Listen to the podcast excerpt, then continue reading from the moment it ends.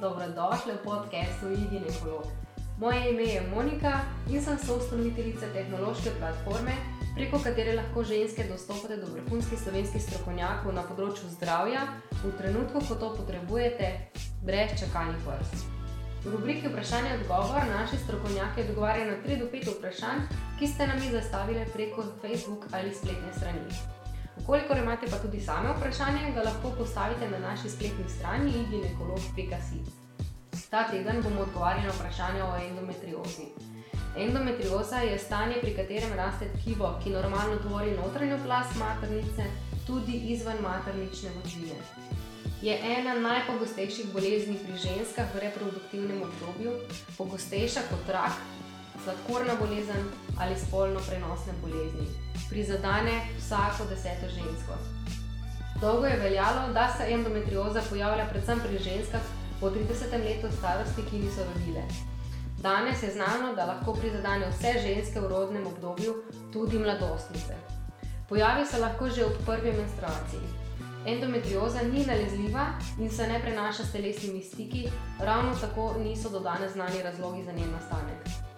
Kot zanimivost naj povem, da je Evropska unija leta 2007 endometriozo razglasila za socialno bolezen, ker vpliva na fizično, psihično in socialno življenje žensk in je v Evropi najpogostejši vzrok za izostanek z dela in iz šole.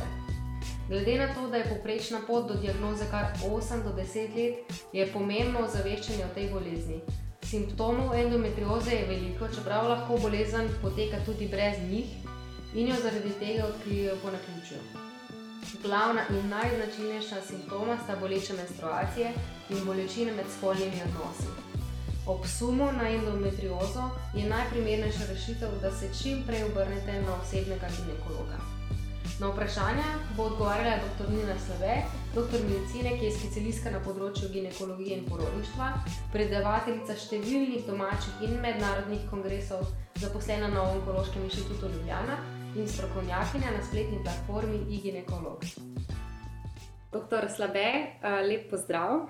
Um, če greva kar na prvo vprašanje, zakaj je tako pomembno, da pravočasno diagnosticiramo endometriozo? Um, za začetek je treba omeniti, da endometrioza je kronična unetna uh, bolezen, ki prizadene 10-15% žensk v rodni dobi. Se pravi, mladih žensk, ki imajo pred seboj um, še kar nekaj življenja.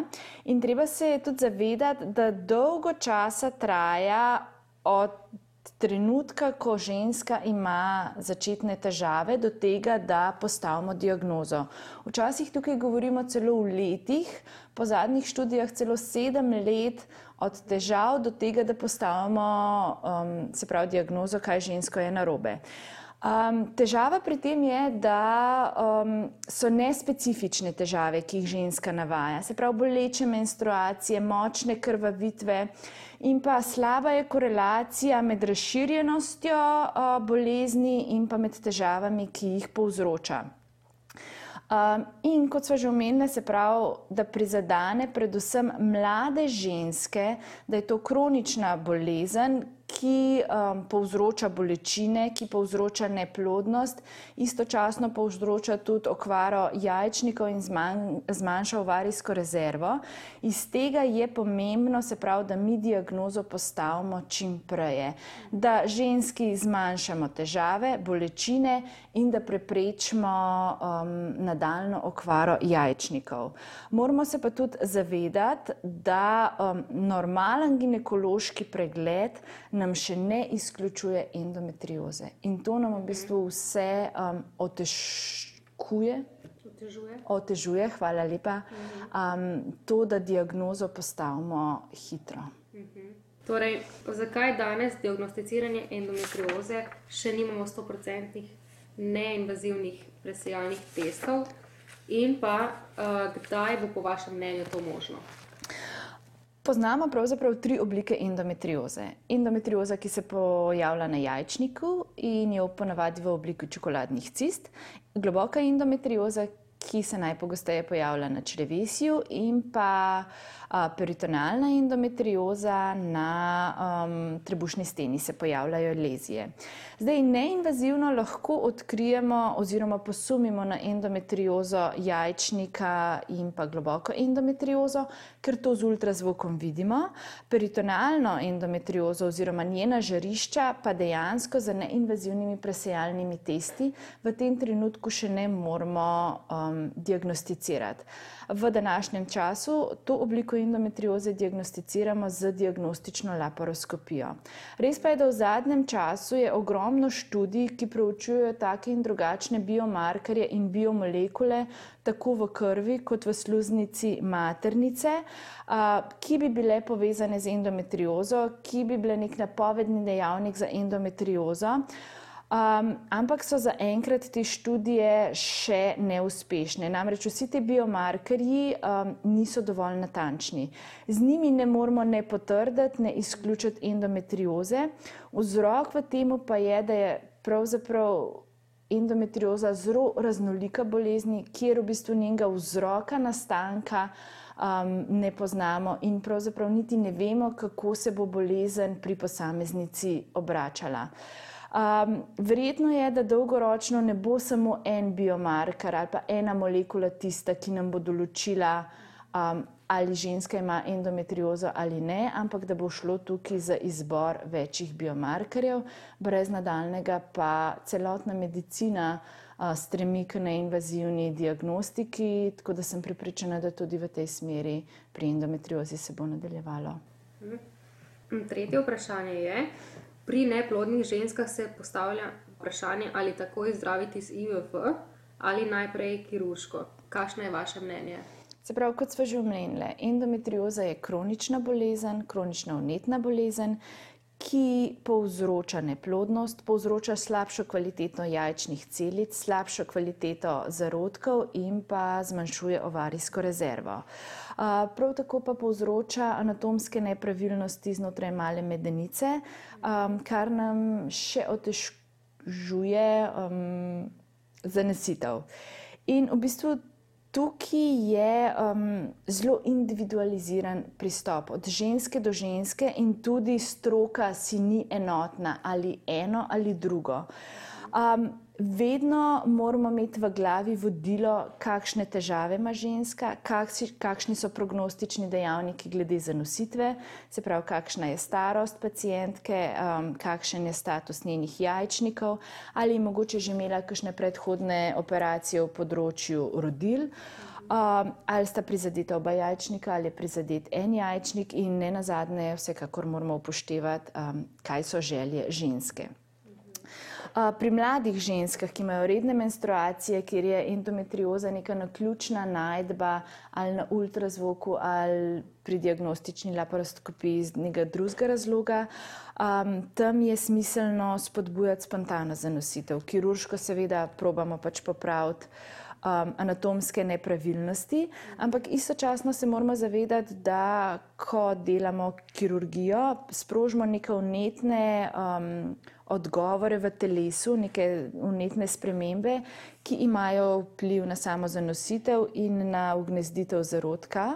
Um, če pa operiramo jajčnike, pa seveda zmanjšamo zraven tudi ovarijsko rezervo. Tako da, kot smo omenili na začetku, zelo individualizirano. Um, v praksi je velikrat IVF povezan z predhodno laparoskopsko operacijo, ampak tukaj, kot smo že omenili, bi se dal razpravljati, ali je to učinkovito in potrebno. Vsekakor, recimo, kirurgija je prvi izbor takrat, ko ima ženska težave, ko ima hude bolečine um, ko gre za ciste na eni strani jajčnika in so te ciste velike, takrat, ko nam te ciste na ultrazvoku izgledajo sumljive, absolutno takrat je kirurgija prvi izbor. Um, IVF je pa prvi izbor pri ženskah, ki so brez težav, se pravi, ki so asimptomatske, ki so starejše, ki imajo zmanjšano ovarijsko rezervo ali pa ki so že imele predhodno um, neko operacijo v področju jajčnikov. Zavedati se moramo, da moramo imeti v mislih, da s kirurgijo ne smemo preveč uničiti jajčnikov. Ali lahko endometrioza poveča tveganje za nastanek raka jajčnikov? Endometrioza je benigna bolezen, ampak ima pa posamezne karakteristike malignih bolezni in sicer, da se širi lokalno, vendar zelo redko metastazira. Um, tukaj nam gre omeniti, da karcinom jajčnika je v splošni populaciji prisoten pri 1,3% žensk, kar pomeni, da malo več kot ena ženska od stotih bo v svoji življenjski dobi zbolela za rakom jajčnika. Pri ženskah za endometriozo pa ta procent naraste na 1,8 procenta.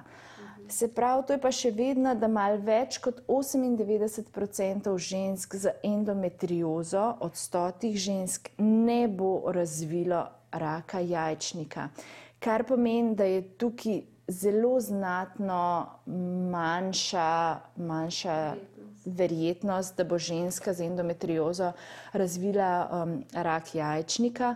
Tako da kakršni koli učinkovito presejanje je v tem trenutku um, nesmiselno, prav tako gledati tumorski markerca 125 ali delati uh, preventivno laparoskopsko odstranitev obeh jajčnikov in jajcevodov je nesmiselno.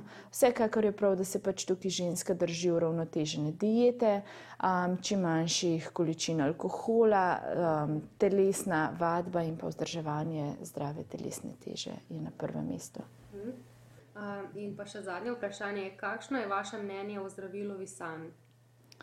Um, zdravilo vizan se pravi spada v skupino zdravil, ki jih imenujemo progestini in v bistvu v telesu ženske delujejo kot spolni hormoni progesteroni.